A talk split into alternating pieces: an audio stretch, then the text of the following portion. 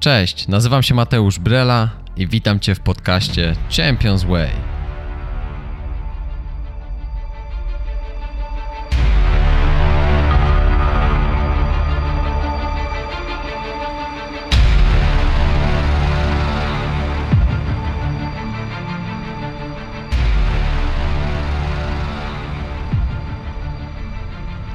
Rozpocznijmy wspólnie mistrzowską drogę.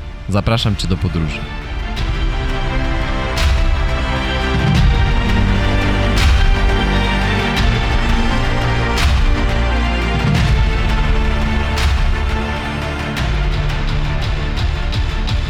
Witam Cię w 47 odcinku podcastu Champions Way.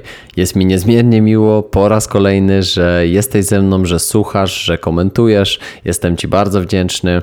A ten odcinek jest kolejnym z serii z zawodnikami, czyli rozmowy z zawodnikami. Tym razem na tapet idzie Karol Szymkowiak, obecnie bramkarz e, Wisły Płock, występującej na co dzień w PKO Ekstraklasie. Karol jest 21-letnim bramkarzem, który walczy o swoją pozycję w tym momencie w, w ekstrakasowych realiach. Natomiast w tej rozmowie Karol bardzo, bardzo otwarto, otwarcie, plącze mi się język, i szczerze opowiadał o swojej karierze, o swoich błędach, o dzieciństwie, o tym, jak wyglądała jego młoda przygoda, jaką, e, jaką rozpoczął z, z piłką nożną e, na Śląsku, później przeniósł się do Legii Warszawa. E, ale co myślę charakteryzuje naszą rozmowę, to przede wszystkim ogromna transparentność i szczerość Karola, który nie boi się przyznać, że w wielu sytuacjach popełnił głupie błędy, które w jakim stopniu definiowały później jego przyszłość. Natomiast jak się okaże, na własnych błędach trzeba się uczyć i jest to młody zawodnik, młoda osoba, a tyle w nim mądrości. Natomiast nie przedłużając, zapraszam Cię do 47 odcinka z Karolem Szymkowiakiem z Wisły Płock już teraz. Cześć Karol. Cześć.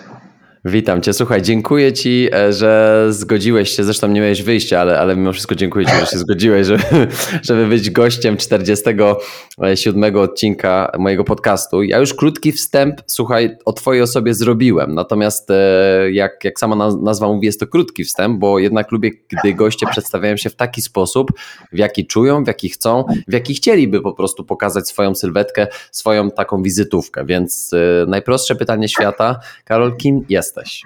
Mm, zwykłym chłopakiem, któremu po wielu latach nagle się coś udało. I jakby doszedł do miejsca, w którym jakby może dalej rozwijać siebie jako piłkarza i człowieka. No, ja bym powiedział nawet, że, że z perspektywy czasu, bo mamy maj, więc e, my się znamy jakieś rok i 8 miesięcy pewnie, nie? Bo we wrześniu będzie, tak, będzie dwa lata chyba jak się, jak się poznaliśmy mniej więcej. E, powiedziałbym, że, że, że już nawet nie chłopakiem, bo, bo chłopakiem może byłeś jeszcze te dwa lata temu, ale teraz już bym powiedział, że jesteś 21-letnim facetem, który wiesz, który tak jak powiedziałeś, ma za sobą masę e, doświadczeń, e, o których swoją drogą będziemy rozmawiać. Mm, ale od razu mi się nie podoba, że powiedziałeś, że udało, któremu się coś udało. Aha, pamiętam, pamiętam jak mi zwracałeś uwagę na to, żeby nie mówić, że mi się udało. Wiem, teraz się stresujesz, bo nagrywamy, wiesz, nagrywamy tak, rozmowę, ale normalnie Karol by tego nie powiedział, zapewniam was. Dokładnie, dokładnie tak. Czyli ładnie Nie, w sensie zapracowałem na to. Mm. Tak. No, dokładnie. No i to, i to, już brzmi lepiej, bo, bo pamiętasz, Jacek Walkiewicz, nie? nic w życiu się nie udaje. I akurat w Twoim przypadku e, mało rzeczy się udało. E, ty naprawdę na nie ciężko pracowałeś i w dalszym ciągu pracujesz, bo, bo e, 21-letni bramkarz e, będący w tym momencie w e, ekstraklasowej Wiśle Płock, e, w tym momencie jesteś, jesteś w trójce E, bramkarzy w pierwszej drużynie. E, walczysz cały czas o swoje miejsce. Zobaczymy, co przyniesie nowy, no, nowy sezon, nowa runda, czy, czy pozostaniesz, czy nie. Natomiast wydaje mi się, że, że to, to jest. E, to jest efekt ciężkiej pracy i myślę, że to też będzie ważne w naszej dzisiejszej rozmowie, żeby to wybrzmiało. I, I, dlatego tak od razu chciałem nakreślić granicę, że to by się nic w życiu nie udało. Nie, to na pewno. Choć, to choć to. No. Nie, na pewno nic, nic się nie udało, raczej to było poparte trudami i ciężką pracą. Nie? Wiesz, y, oczywiście duża doza szczęścia jest potrzebna w karierze każdego sportowca i też mi się o, wydaje, że trzeba... Trafić... Ale ona, ona przyszła chyba raczej tak trochę później niż ja, jak ja myślałem wtedy. No, jakby na te 21 lat jakby yy, mojego życia jakby przyszła nie wtedy, kiedy ja myślałem. Że zazwyczaj tak jest. wcześniej. No. A zazwyczaj tak jest, nie? Że, że nam się wydaje, że już coś powinno przyjść, że już, już jest ten odpowiedni moment. A życie nam mówi, jeszcze poczekaj, albo jeszcze się musisz trochę pomęczyć, zanim to przyjdzie. I ja bym powiedział, że, że, że nie wiadomo, czy jeszcze to jest ten moment. Dla ciebie, prawda? Nie, w sensie przyszedł moment taki, który widać ewidentnie na własne oczy, że już kurczę coś, coś się dzieje w kierunku piłki. Że to nie jest takie, że no, że jeszcze nie wiadomo. Że to już jakby jest poziom jakby profesjonalny i z tego można dalej coś robić. Dokładnie. Natomiast ja mówiąc, że jeszcze nie wiadomo, mówiłem o pełni twojego potencjału, na który według mnie jeszcze trzeba poczekać kilka lat. Oj tak. Co jest oczywiście, to jest budujące, bo ja uważam, że wiesz, że 21-letni bramkarz e, bijący się o, o pozycję w, w ekstraklasie dobrze rokuje na przykład na e, taki powiedziałbym najlepszy wiek dla piłkarza. E, bramkarz jeszcze wydaje mi się, że ma większy handicap tutaj, ale powiedziałbym 26-7 lat. To jest taki naprawdę najlepszy wiek dla, dla piłkarza, kiedy jest najbardziej rozwinięty, najbardziej przygotowany mentalnie, e, uzbrojony wiesz, motorycznie we wszystkie najlepsze narzędzia, które już w swoim życiu posiadł i, i tak dalej, i tak dalej. Jest po prostu najbardziej taką dojrzałą postacią sportowca, więc według mnie najlepsze jeszcze przed tobą, ale po tych różnych przebojach przebojach, e, jakie wiesz, jakie spotkały cię przez ostatnie lata, myślę, że warto, warto docenić ten moment, w którym się jest. Natomiast cofnijmy się trochę, okay? cofnijmy się do roku 2019, do jesieni, e, kiedy to my się poznaliśmy. Okej. Okay. Widzę, że liczysz w głowie. 2019 jesień, tak, pamiętam sobie. Dokładnie. To był okres jakby ostatni rok w Miedzi, hmm, jeszcze przed pandemią. I trener Gwiz jakby zorganizował spotkanie wtedy z tobą. Pamiętam, że jakby przedstawił ciebie na trenera mentalnego, który przyjeżdża z Ameryki. I mówię, dobra, no to może jest okazja, żeby coś zmienić w swoim życiu, że, że to może we mnie są jakieś problemy i może coś spróbuję. No i zagadałem jakby z trenerem, z trenerem Gwizdem. z trenerem Gwizdem o to, żeby było własne jakby spotkanie takie indywidualne, przed jakby grupowe.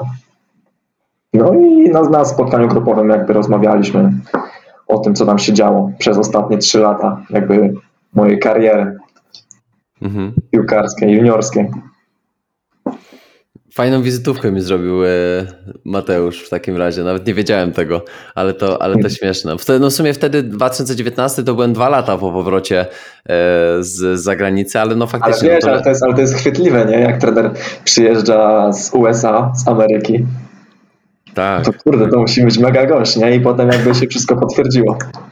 No, miło, miło mi to słyszeć, ale faktycznie to był taki moment, kiedy, e, kiedy też właśnie taka, taka, taka mała współpraca z Miedzią się rozpoczęła i właśnie wiem, że, że też Mateusz odegrał ważną rolę w Twoim życiu, bo, bo jako trener bramkarzy też wiesz, e, pamiętam też naszą rozmowę o Tobie, to, to naprawdę skupił się na tym, że wiesz, że jesteś e, że jesteś, że jesteś chłopakiem z naprawdę dużym potencjałem i że warto, warto w ciebie zainwestować czas i, i, i siły takie, żeby wiesz, żeby pomóc ci w jakimś stopniu wyjść na, na, na tą drogę, na której chciałbyś być. Natomiast ja pamiętam, że to był też moment, yy, bardzo ważny y, według mnie i taki przełomowy dla ciebie, ponieważ y, ty żyłeś trochę w tamtym momencie jeszcze ostatnimi latami swojego życia. Tak mi się wydaje, że nie zamknąłeś pewnych, tak. pewnych etapów. Tak, tak. No było, cały czas miałem w głowie trzy lata, które jakby były poprzednie, mm, co się działo, że już nie będę grał w piłkę, bo jak dużo się rzeczy podziało, jak byłem w Legii, jak przyszedłem do Miedzi z nadzieją, że będę grał i co potem w czasie jakby się okazało, że tak nie jest. Potem przydarzyła się kontuzja i jakby cały czas coś było na mojej drodze, co jakby mnie mówiło mi, że nie, chyba piłka nie jest dla ciebie, że trzeba raczej odpuścić. Jeszcze potem była jakby sytuacja jakieś w klubie, bo już było to rozgoryczenie takie, że nie gram mm, i widziałem, że jakby wchodziłem w kłótnie z zawodnikami i wiedziałem, że nie jestem jakby sobą, że na treningach już nie daję z siebie maksa i trzeba było coś zmienić. Nadarzyła się sytuacja i, i było tamtego momentu coś ruszyło. Mhm.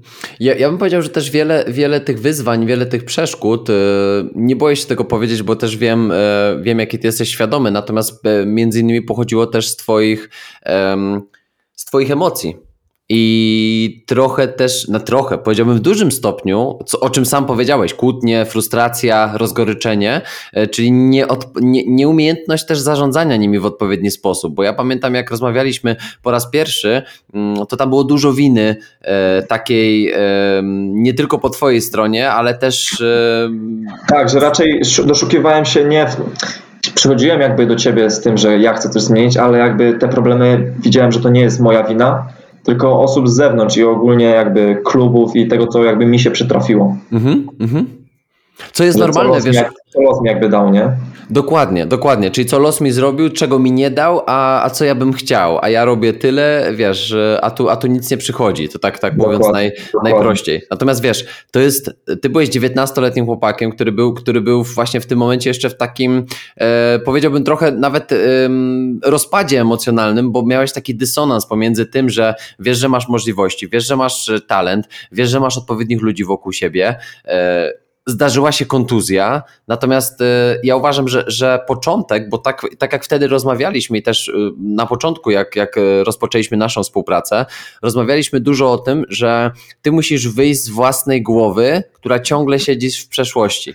Pamiętasz, że początek to był zaakceptowanie tak, tego, pamiętam, że tamten pamiętam. okres w Legii był ci bardzo potrzebny. Natomiast my wiemy, co się wydarzyło w tamtym okresie. Natomiast powiedz mi w ogóle, jak się rozpoczę, rozpoczęła Twoja przygoda z Legią, ile miałeś lat i co według Ciebie tam poszło nie tak? Czy jakie błędy popełniłeś, a może z dzisiaj z perspektywy czasu to nie były błędy? Tutaj chciałbym, wiesz, tobie otworzyć trochę okay, pole. Okay. Może zacznę nawet trochę przed Legią, jakby ten ostatni rok, co się działo. Jasne. Bo pamiętam, pamiętam że przez trzy lata klas gimnazjalnych grałem mega dużo w gry na komputerze i ja naprawdę byłem uzależniony od nich.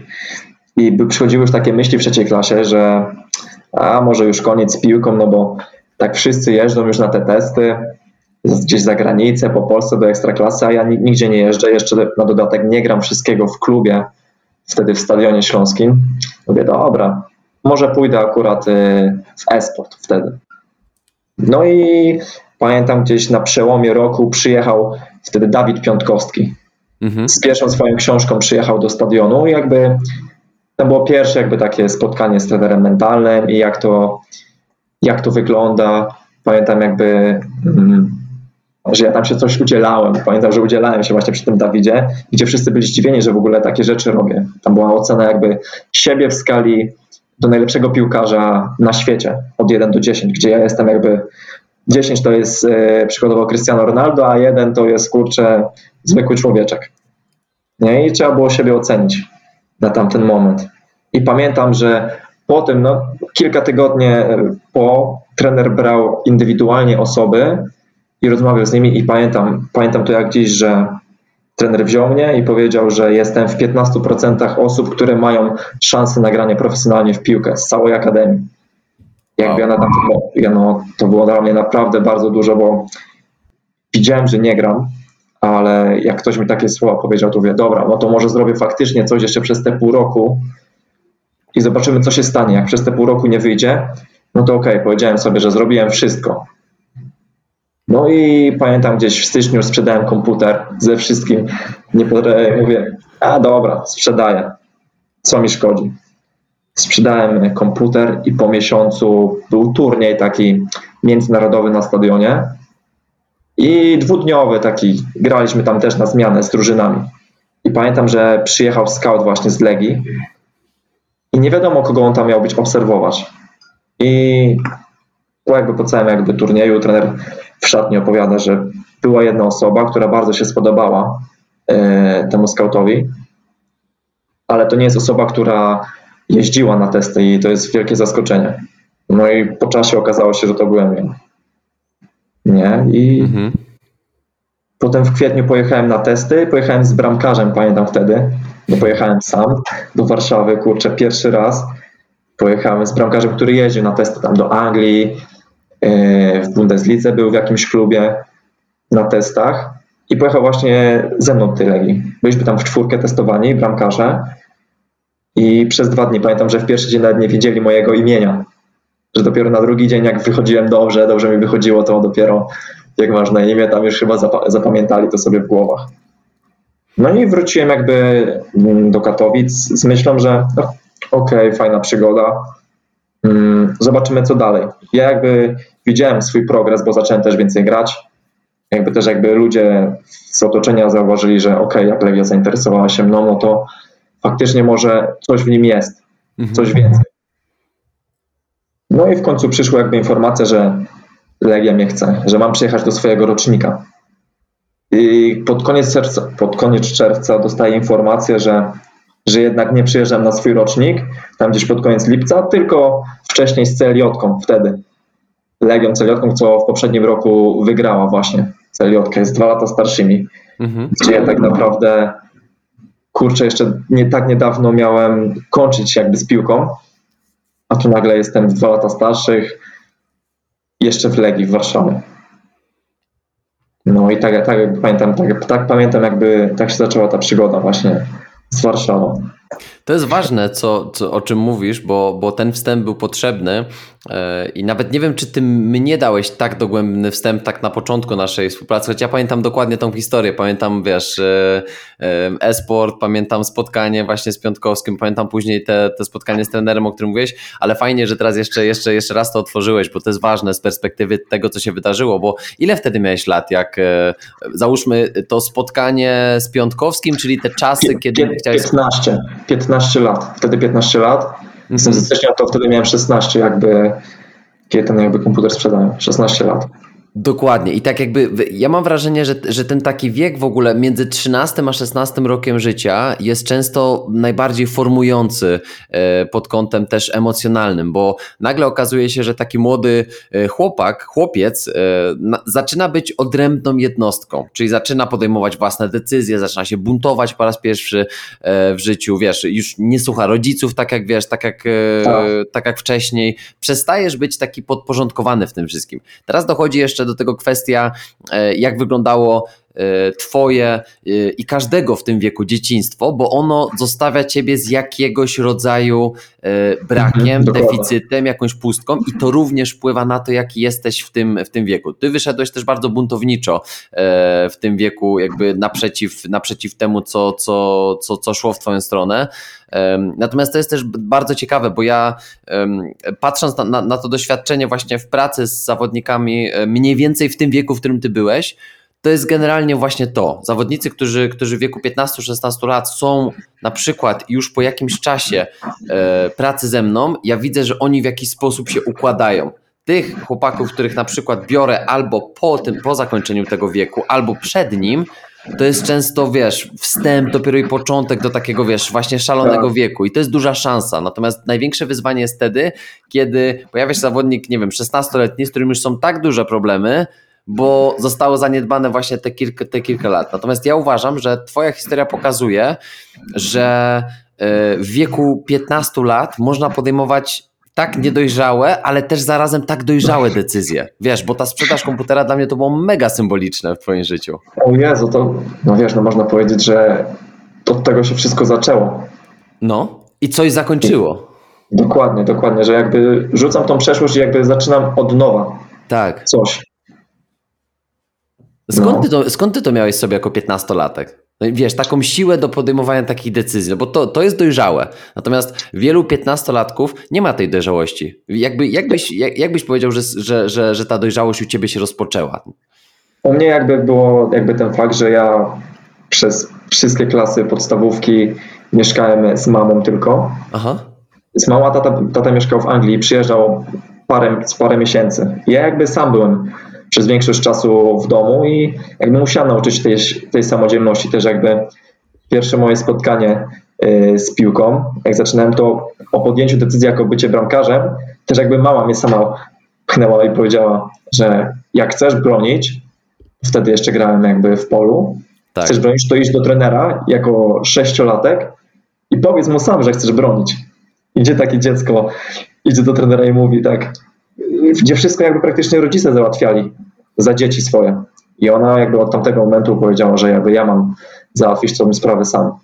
I dlatego wydaje mi się, że te decyzje, które potem podejmuję, po części świadomie, po części nie, doprowadzają mnie do tego, że podejmuję te decyzje, nie bojąc się jakby o konsekwencje.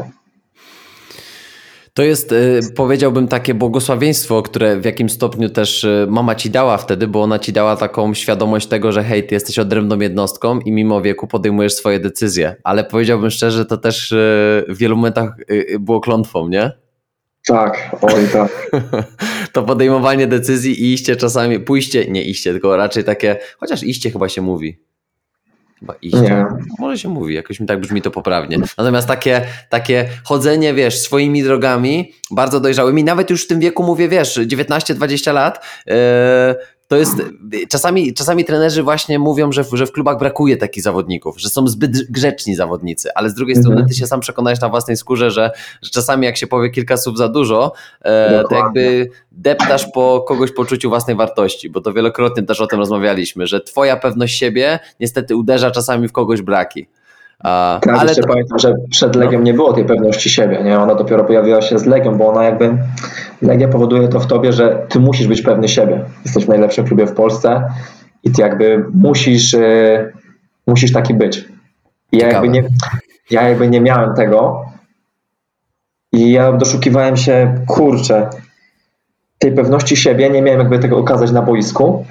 To przykładowo yy, szukałem tą pewność siebie, przyjeżdżając do Katowic i opowiadając cuda na swój temat, co ja nie robię w Legii. Pamiętam to jak dziś, że yy, przyjeżdżałem i moi znajomi się pytali, jak tam w Legii. Ja mówię, no mam taki kontrakt, nie wiadomo jak, ja tam nic, naprawdę nic nie znaczyłem. Mhm. Wiesz, jeden z 30.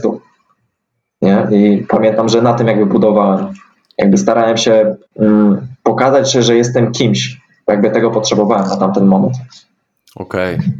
No, ale to też, to też jest oznaka pewnego rodzaju właśnie, tak jak powiedziałeś, szukania tego poczucia własnej wartości, ale tak jak, tak jak wspomniałeś, nieposiadanie go y, na takim poziomie y, wewnętrznym, tylko szukanie go we wszystkim, co tylko możliwe na zewnątrz i powiem Ci, że, że poniekąd yy, tutaj jakby nasze historie się łączą, bo ja pamiętam siebie dorastającego, który, ja też dorastałem jakby bez, bez, bez taty, tylko, tylko nie w, w takiej perspektywie, że mój tata pracował za granicą, tylko moi rodzice się rozwiedli i, po prostu jakby no mój, mój, mój ojciec nie utrzymywał z nami kontaktu przez, przez, przez czas jakiś tam później. E, próbował na początku, ale to też było takie nieudolne, więc jakby też powiedzmy doświadczenie mam podobne e, z tej mhm. perspektywy. Jest ogromna pokusa, żeby przedstawiać siebie w dużo lepszym świetle niż się jest, ponieważ nie dostaliśmy bazowo tego poczucia własnej tak, wartości, tak, wiesz, jeszcze siebie. Jako dziecko no chcesz imponować innym, no chcesz być lubianym. tak. I szukasz tego, nie? Nawet przez to, żeby skłamać jakiś tam, albo wyolbrzymić to. Tak, potrzeba afiliacji. To jest jedna z jednych podstawowych potrzeb człowieka, żeby współnależeć do czegoś. A jeszcze zobacz, mhm czegoś nam y, docelowo, można powiedzieć, też brakowało w, w, w, na pewnym etapie życia, bo mm, u mnie z, z, braku jakby pełnej rodziny, u ciebie z tego, że, że tata był ciągle za granicą i to jest deficyt, czyli nie mamy tej, tej pełni, nie? nie mamy pełnej rodziny i musimy to jakoś zapełnić nie? i to w taki sposób się pojawia. To jest trudne, ale zobacz jak, jak z perspektywy czasu też można mówić o tym tak normalnie, dojrzale, bez wstydu, i z, mhm. pe z, pełną pewnością, że dla mnie to, co ty mówisz teraz, to jest złoto, bo być może jakiś młody zawodnik czy młoda zawodniczka, słuchając tego, powie sobie: Ej, to ja. I wiesz, i może w no. wieku 13-14 lat powie: To nie ma sensu, bo ty nie musisz budować swojego poczucia własnej wartości na budowaniu persony, która nie istnieje, tego awatara mhm. tej, tej osoby. Natomiast ważne rzeczy jeszcze na pewno nam wyjdą. Przyjeżdżasz do tak. Warszawy, tak? Jako Przyjeżdżam do Warszawy, tak, dokładnie. No i zaczynają się tam pierwsze treningi. E, do momentu e, pamiętnego SMS-a wysłanego do trenera. Ta historia to jest, zmieniła moje życie. Tak naprawdę jakby była już pierwszym jakby informacją, że kurczę, że w Legii może być ciężko. I pamiętam, że trening mam w poniedziałek i jadę przed ostatnim pociągiem z Katowic do Warszawy. I wynikło, pamiętam, w trakcie jakaś kłótnia e, z, o, z tamtą z dziewczyną, w którym byłem w tamtym okresie i napisałem wiadomość do trenera bramkarzy, że jak sobie przypominam, to naprawdę jest takie, takie dziecinne, ale napisałem do trenera, że mam sprawy rodzinne i że nie mogę przyjechać. 16-latek. Tak, 16-latek wtedy napisał, że nie może przyjechać na trening. No i potem następna wiadomość pisze do dziewczyny, że będę wtedy i wtedy u niej. I ja wysłałem to nie do niej, tylko do trenera. I potem zorientowałem się, będąc w pociągu, co ja zrobiłem. Patrzę i dzwoni do mnie trener. Ja mówię, nie no, nie wiem, co on teraz zrobić. Dobra, nie odbieram. Nie odbieram tego telefonu, wysiadam w Warszawie, mam tylko stówę, na cały tydzień dostawałem na jedzenie i mówię, dobra, muszę wrócić, bo to było na, na tamten moment bardzo ważne dla mnie. I muszę wrócić jakby do, do Katowic. Kupuję pendolino za około stówkę, ostatni i wracam. I nie mam je w Warszawie.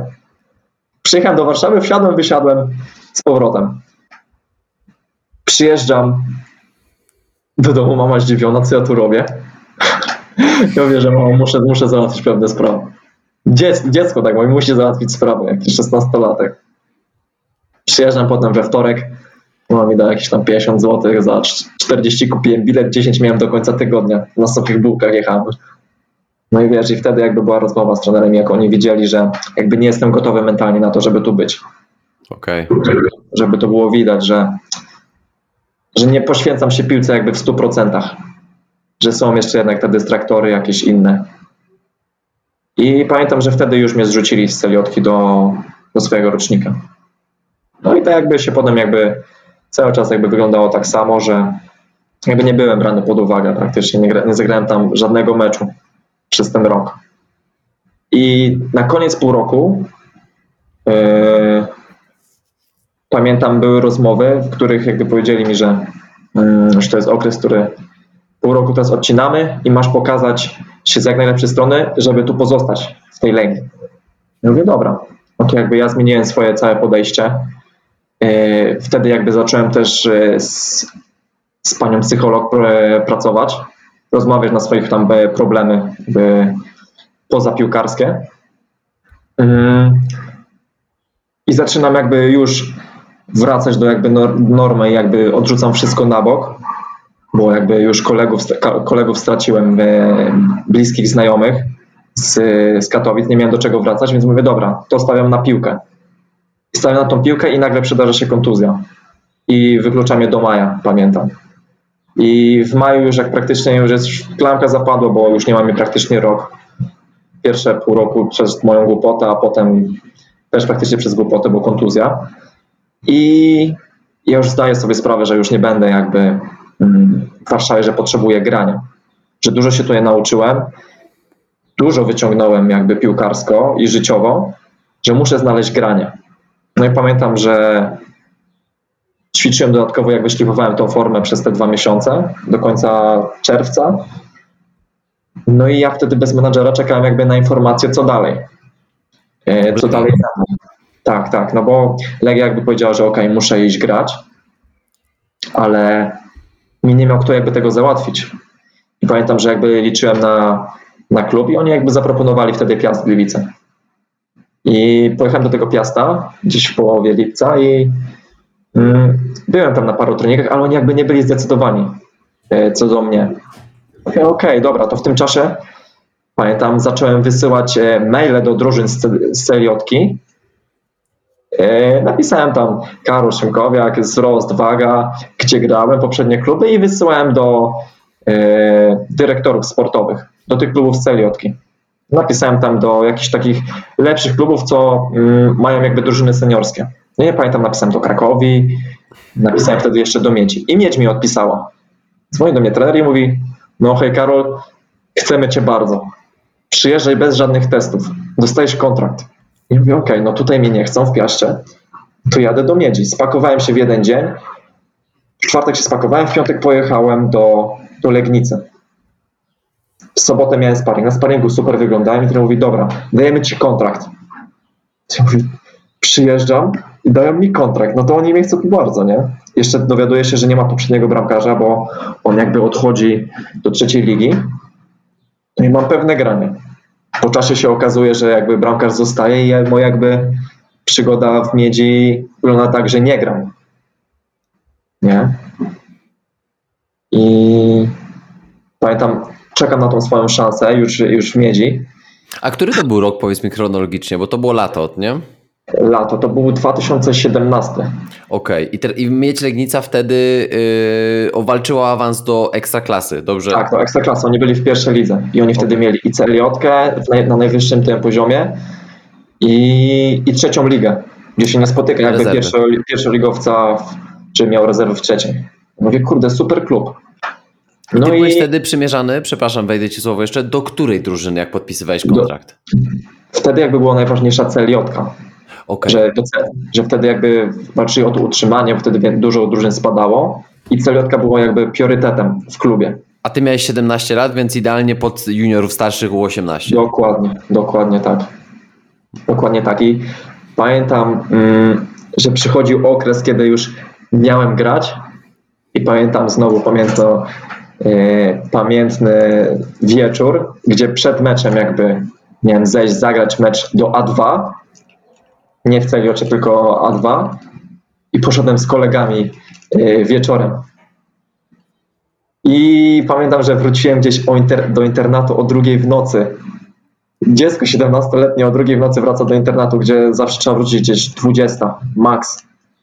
Ja wracam o drugiej w nocy. Powiedziałem, że byłem gdzieś na urodzinach mhm. u jakiejś znajomej, a na następny dzień mecz. O dziewiątej mecz i wychodzę na ten mecz i pamiętam, że przez to, że nic nie spałem w nocy, popełniam błąd. Popełniam błąd, przegrywamy 1-0. Gościu z połowy mi strzela bramkę, gdzie ja chcę wyjść i, i wylatuje mi piłka z rąk. I bramka pada. Ja mówię, kurczę, no to teraz sobie przerąbałem. I mówię, dobra, ale muszę jakby przyznać się do tego, że jakby to nie wynikało z tego, że ja słabo gram, tylko co się, co się stało poprzedniej nocy. Jakby mówię do trenerowi, jakby konsekwencje były zmniejszone przez to, że się przyznałem przed całą sytuacją. I pamiętam, że trener mi powiedział, że szkoda Karol, ale miałeś grać w następnych meczach. Że to był czas, kiedy ja miałem wchodzić i ja zawaliłem to tą sytuacją. I mówię, no dobra, no to nic, trzeba pracować. No i, i pracowałem, znalazłem takich dwóch kolegów, którzy też jakby byli w podobnej sytuacji, chcieli coś więcej od piłki, że chcieli grać wyżej. I pamiętam, że mm, chodziliśmy na odnowę na basen i y, rozkminialiśmy, jak tu kurczę dostać się do lepszego klubu. I pamiętam, że każdy z nas zbierał maile do wszystkich drużyn z Europy, do Bundesligi, do MLS-u, do Premier League, do Championship i do wszystkich drużyn i wysyłaliśmy swoje highlightsy i CV z prośbą o testy, żeby nas wzięli. I mieliśmy tam, kurczę, no nie wiem, ze 100 na pewno było tych drużyn. I pamiętam, jak, pamiętam to, jak gdzieś jak wysyłaliśmy właśnie te CV do tych drużyn. Nie, już nie pamiętam, czy ktoś odpisał, ale pamiętam dobrze, że pamiętam dobrze ten moment. A to jest, to jest fajne, bo ja też miałem taki moment swo, w, w swoim graniu, e, że, że właśnie mm, poszukiwałem menadżerów i też poszukiwałem testów. I pamiętam, że wysłałem też w ogóle pewnie z 50 mailów do, do bezpośrednio do klubów już na przykład. I odpisał mi jeden klub, wiesz, odpisała mi. Wolfsburg mi odpisał z Bundesligi, że, że naprawdę dziękujemy za, za przekazanie tam, wiesz, y, swojego CV, y, że właśnie przekazaliśmy je do, do sztabu szkoleniowego. I to był jedyny mail, jaki dostałem zwrotna. Też wysłałem do Sparty Praga, do jakiejś tam, wiesz... Ale wiesz, ale nawet jeśli odpisuje ci, ale odpisuje ci drużyna, 50 wysyłasz maili i odpisuje ci jedna drużyna, to jednak masz jakieś szanse. Ja pamiętam, że odpisałem tam drużynę, ale nie było tam jakiegoś odzewu. Dobra, kupujemy ci bilet, przyjeżdżaj do nas. Tak. Tylko też na jakiejś takiej zasadzie jak u ciebie, że no, że przekażemy do sztabu szkoleniowego, jeżeli będą zainteresowani, to na pewno, na pewno się skontaktują. No i nie no. byli zainteresowani, ale sam fakt, że y, ja to mówię dzisiaj też zawodnikom, że żeby nie bali się takich rzeczy, bo co masz ewentualnie do stracenia? Dwie, trzy godziny. Oczywiście wiesz, które, które spędzisz na tym, żeby powysyłać te maile, a na co inaczej byś spędził te, te godziny? No na treningu? No wiesz, no ja nie wierzę w to, że, że wiesz, że ktoś mi powie, nie, nie będę wysyłał, e, bo, e, bo, bo nie wiem, bo Bo to nie strata czasu. No jak strata czasu? To może być też fajna w ogóle przygoda. Przekonasz się, czy coś. Nie, no bo to, to nawet jak patrzysz tak szerzej, to też jest jakby twój trening, bo to jakby o twoją przyszłość walczysz. Trening to nie jest tylko e, bycie na boisku, trenowanie, nie wiem, u bramkarzy, woleja i jakiejś dystrybucji, tylko też jakby robienie coś w kierunku tego, żeby twoja przygoda z piłką się jakby rozwinęła dalej. Wszystko nie? około treningowo. Tak, tak, wszystko. Wszystko, co się wiąże z piłką, żeby traktować to jako trening. No, to jest dobre. Podoba mi się to. No. Słuchaj, jeszcze, bo teraz, bo, no. przepraszam Ci wejdę słowo, bo chciałbym jedną rzecz skomentować, bo, bo to jest ważne. Nie chciałbym, żeby to mi uciekło. Na pewno mi to nie ucieknie, ale teraz jest dobry moment, bo E, powiedziałeś coś istotnego w kontekście tego SMS-a w Legii. E, tam, wiesz, ta historia się, się, się, wiesz, rozwijała i dlatego tam nie chciałem ci powiedzieć słowo, ale przyszła mi do głowy taka myśl, że e, tak standardowo ktoś patrząc na to, co, co, ty zrobiłeś, w jaki sposób to zrobiłeś e, i wiesz, i dzisiaj z perspektywy czasu powiedziałby, no głupi, no, no głupi byłeś, że to zrobiłeś, no wiesz, jak ty, no byłeś w tej Warszawie, jak już popełniłeś taki błąd, to już wiesz, powinieneś był zostać, przyjść na trening i wiesz, i, i powiedzieć, że wiesz, że sorry, ale wiesz, ale po prostu zawaliłem, jestem, prawda? A ty jeszcze wsiadłeś ten pociąg e, i wróciłeś z powrotem do Katowic, nie? W ogóle nie myśląc o właśnie konsekwencjach, o, wiesz, i to zobacz, i łatwo byłoby w tej e, sytuacji sytuacji powiedzieć, ale on był głupi, nie? Był w Legii, zrobił coś takiego. I, i wiesz, i stoi ktoś obok i powie, ja bym tego nie zrobił. Nie wiesz tego. Bo to jest nie. sytuacja, w której ty jesteś w zupełnie innym stanie świadomości. I wręcz ktoś by mógł cię skrytykować, a ja jakby ja bym powiedział, że jeszcze, jeszcze zapropsuję to, co zrobiłeś, jeszcze pochwalę to, bo zrobiłeś coś, co wtedy czułeś, że jest dla ciebie najważniejsze w życiu. I gdybyś mhm. zrobił coś wbrew siebie, to też uczy nas nieodpowiedniego podejścia do życia, czyli robienie coś wbrew siebie, nawet przy tak ważnych rzeczach. I być może, zresztą ty wiesz o tym, bo ja już ci to mówiłem nie, niejednokrotnie, że ten SMS poszedł do odpowiedniej osoby. Że to nie była wcale pomyłka, wiesz, na, na poziomie takim tego, co miało tak. się wydarzyć. Bo e, później ta kontuzja w jakim stopniu, nie wiem, może ona była potwierdzeniem tego, że ktoś o tobie tam jeszcze myślał w tej legii, że, żeby cię zostawić, a to było takie, nie, to nie jest twoje miejsce. Bo może pół roku później czy rok później wydarzyłoby się coś jeszcze e, gorszego Faktycznie. dla ciebie. Nie? Ale z drugiej strony nie można w taki sposób też na to patrzeć, bo być może e, ty za dwa lata w tej legii tak, biłbyś się o miejsce w pierwszej drużynie. Tego nie wiemy. Natomiast, nie wiemy natomiast jeżeli tak będzie, będziemy żyli, a no tu nie możesz zaprzeczyć, bo, bo, już, bo już kiedyś się zgodziłeś e, ze mną e, w tym temacie. Ty żyłeś właśnie tym SMS-em. Ty żyłeś tą kontuzją. Ty żyłeś tym, że Legia to było jedyne prawowite miejsce dla ciebie. E, I jakby nie wierzyłeś w to, że ta decyzja, ten pieprzony SMS, on być może otworzył coś zupełnie innego, patrząc już na lata do przodu. Ale to tylko taka mała dygresja, bo uważam, że to było ważne, co powiedziałeś i chciałem to skomentować. Okej. Okay. Y, na czym skończyliśmy? A, na tej miedzi.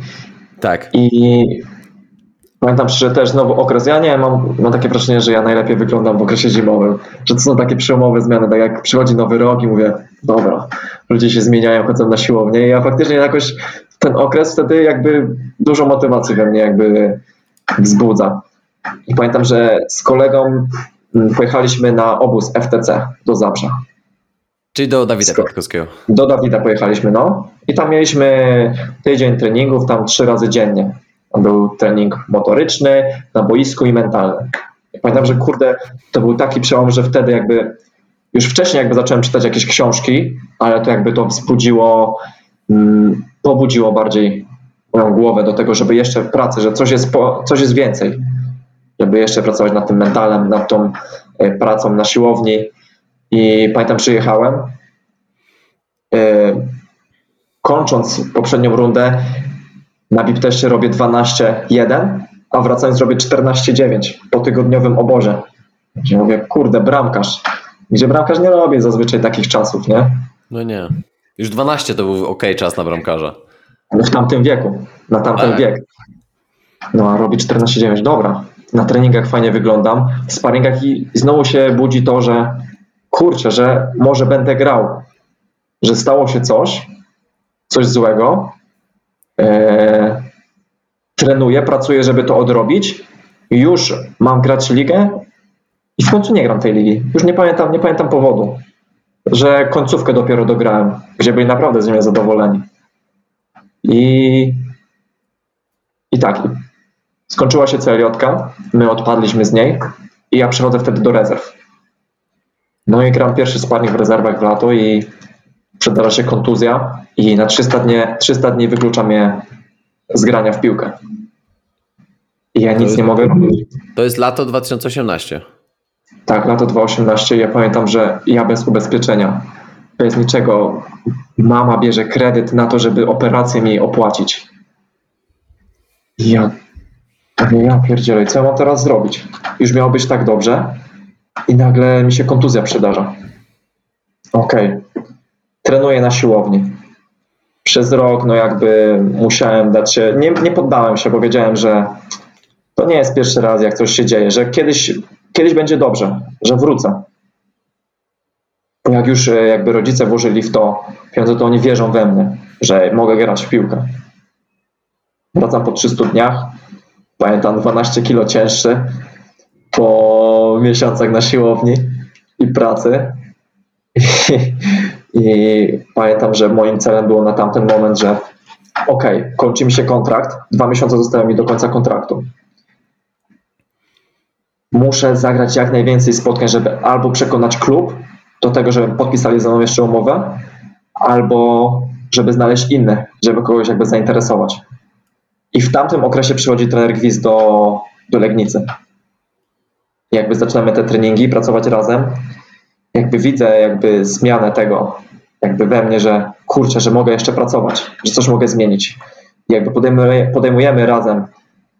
Jestem 100% tak pewny, że trener może potwierdzić te słowa, jak mówi do mnie, że Karol, może zostań jeszcze na rok, popracujemy i zobaczymy, co się stanie.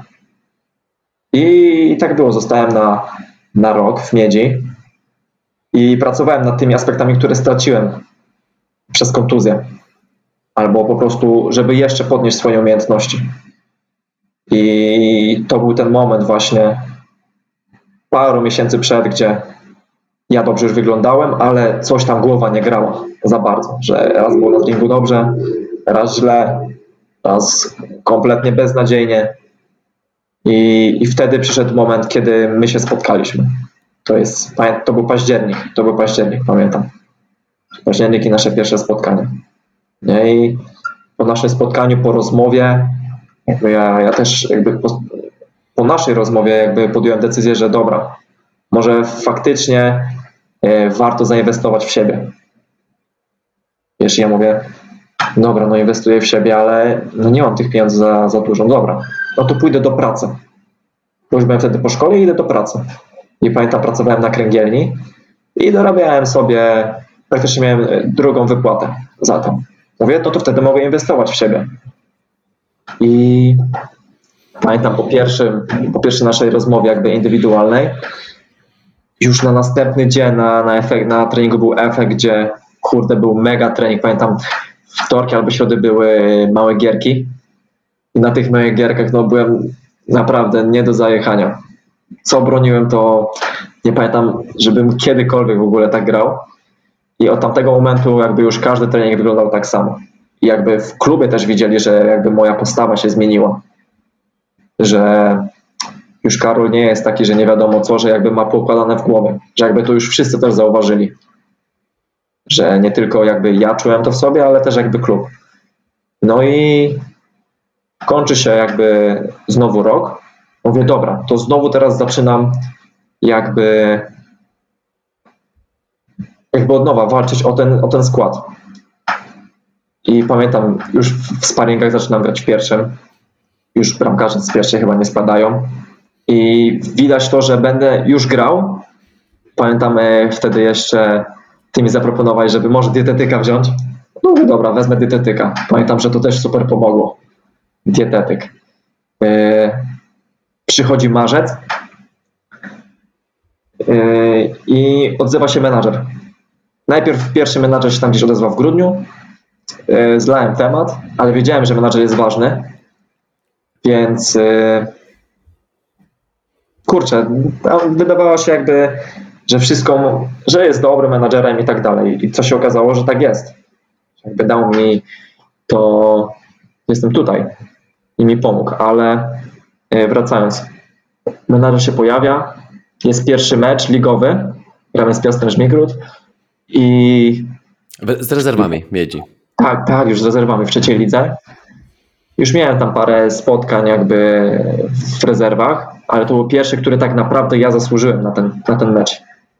Gdzie po tej drodze, że kurde, całe coś się stało i, i znowu dostaję szansę. Dostaję szansę, gram mecz, super mecz, podpisuję umowę z menadżerem. Bum, 14 marca pandemia wchodzi do Polski. I ja pamiętam, że dobra, no pandemia, no to dwa tygodnie i wracamy zaraz do grania. I sobie dogrywam sezon, bo wiedziałem, że to jest ten moment, to jest w końcu ten moment, w którym ja mogę się pokazać. No i pandemia i, i koniec ligi. Trzeba żyć z tym, co, co dało nam jakby świat. Los, tak, no. Powiem ci, że, że jakby wiesz, mówiąc to, to, to, to faktycznie wiesz, przebyłeś taką, taką podróż, w której wiesz, cały czas musiałeś walczyć o swoje, cały czas musisz walczyć o swoje, bo to wiesz, bo ja też uważam, że że życie w ogóle nie, właśnie nie przeżyte w taki bardzo świadomy, aktywny, wywalczony sposób e, jest takim życiem trochę nie w pełni przeżytym. Ja wiem, że to się trudno, um, trudno czasami to zaakceptować, kiedy jesteś po środku tych wszystkich e, swoich wyzwań, swoich, swoich problemów.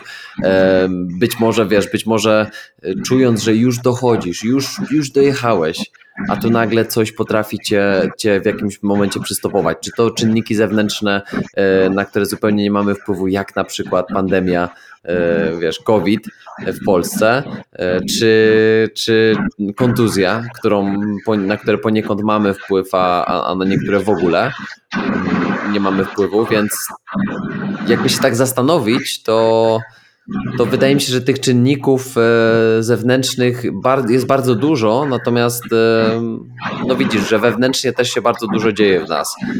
I, i wiesz, i samo dojście, mm, powiedziałbym, samo dojście do takiego etapu, w którym jesteś w stanie powiedzieć, że wywalczyłem sobie wiesz, swoją ciężką pracą, swoim podejściem, swoim, swoją dyscypliną, swoją wytrwałością, bo to wiesz, jeszcze dużo ci jej będzie potrzebne, ale mam wrażenie, że, że to są właśnie te kluczowe umiejętności. Ty dochodzisz do momentu, w którym zdajesz sobie, zdajesz sobie sprawę z tego, że już nic cię nie może złamać. W takim sensie, że kolejna kłoda pod twoimi nogami i wydaje mi się, że ty, że ty, że ty takiego momentu doszedłeś e, na pewnym etapie. E, zaraz sobie pewnie ten etap e, przejdziemy znowu wspólnie, ale, ale mam wrażenie, że jakbyś porównał siebie z, z czasów jeszcze z miedzi nawet, to każde kolejne wyzwanie to była dla ciebie tragedia życiowa, gdzie w pewnym tak. momencie nagle coś, wiesz, coś, znaczy to nie było nagle, tylko to był proces, który oczywiście w tobie trwał i tak jak sam mówiłeś, układałeś wiele rzeczy w głowie, e, prac, pracowaliśmy nad, e, nad, nad tym, żeby, żeby no mimo wszystko, tak, zawsze możesz robić coś, zawsze możesz pracować około treningowo, zawsze możesz e, pracować pod kątem mentalnym, taktycznym. Nawet pamiętasz ten moment, kiedy byłeś w Katowicach w domu, tak, gdzie nawet wychodzenie z, z domu wiązało się z ryzykiem tego, że cię policja złapie, jak biegłeś do sklepu, nie? No, takie, takie jaja nawet. Gdzie zobacz, że, że y, ty już jako profesjonalny zawodnik musiałeś się z takimi, wiesz, takimi rzeczami zmagać, ale to całe społeczeństwo musiało się z tym zmagać, tak? Nie, no Monachium miał, miał takie warunki, że, że y, trener im przywoził sprzęt do, do trenowania i wiesz, i Lewandowski miał y, w pełni wyposażoną siłownię, rowerek tak, i, i Gorecka nagle wraca kulturystą, nie? Dokładnie, dokładnie. I to, to się tylko dzieje, w, wiesz, śmiejemy się, ale to się dzieje w Bayernie Monachium, ale w, wiesz, w warunkach domowych w Katowicach trzeba sobie jakoś poradzić, nie? Mieszkając jeszcze w centrum, co, co, co, co w twoim przypadku nie było zbyt korzystne. Ktoś, kto mieszkał, wiesz, gdzieś na wsi, e, za, wiesz, za miastem, miał prawdopodobnie dużo większe możliwości od ciebie, e, mając domek, ogródek i wiesz, i, i tak dalej. Tak, pewnie tak było. Więc tak to, tak to wyglądało, nie? Ale, ale wydaje mi się, że, że etap, w którym bierzesz odpowiedzialność za siebie i Ja wiem dzisiaj, z jaką ty filozofią żyjesz, e, ale w momencie, kiedy bierzesz to na siebie i mówisz, że jakby to, to się wydarzy, to jest, wiesz, to jest kwestia czasu, bo tak też mówiłeś e, w momencie, kiedy odszedłeś z miedzi, e, to ja już tą zmianę w tobie na pewno widziałem. Chyba, chyba największa przyszła jakoś na przełomie pewnie 2000 właśnie 20 a 21 roku, kiedy już, już byłeś w, w Ostrowcu.